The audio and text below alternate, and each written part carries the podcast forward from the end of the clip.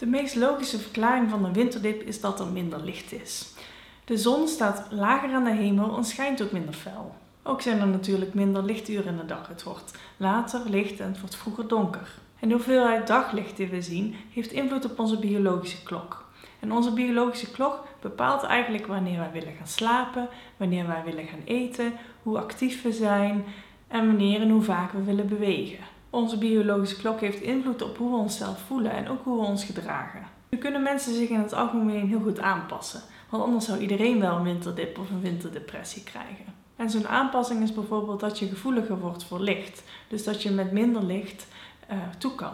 Maar een deel van de mensen kan dat blijkbaar dus niet goed. Dat is tenminste de theorie, waardoor die dus last krijgen van een winterdip. Maar andere factoren spelen ook mee. En daar zit vaak een visieuze cirkel in. Omdat het kouder is en uh, donker of nat buiten, hebben we minder zin om naar buiten te gaan. We gaan minder naar buiten, we bewegen minder, daar worden we weer somber van. En zo gaat het uh, cirkeltje door. En de pandemie en de coronalockdowns van de afgelopen jaren hebben ook wel een tol geëist. Want daardoor konden we ook minder leuke dingen doen en we konden elkaar minder opzoeken en we konden minder sociale activiteiten ondernemen.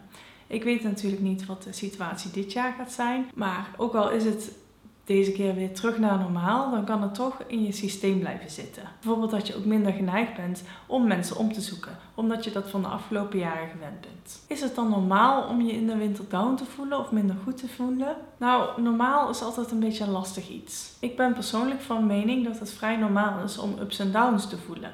Dus ook om een verschil te voelen tussen de zomer en de winter, of in van dag tot dag. Maar daarmee wil ik absoluut niet depressies bagatelliseren. Waar de scheidslijn precies ligt tussen normaal en niet normaal is heel moeilijk te zeggen. Misschien ook omdat hij niet bestaat of omdat hij heel, dat een heel grijs gebied is. Mijn conclusie is dat het wel normaal is, want een kwart van ons heeft er last van. Maar het is wel heel erg aan jezelf hoe je hiermee omgaat. En daar hebben we gelukkig in deze moderne tijd heel veel meer mogelijkheden voor dan vroeger. En daar wil ik je ook in deze cursus bij helpen.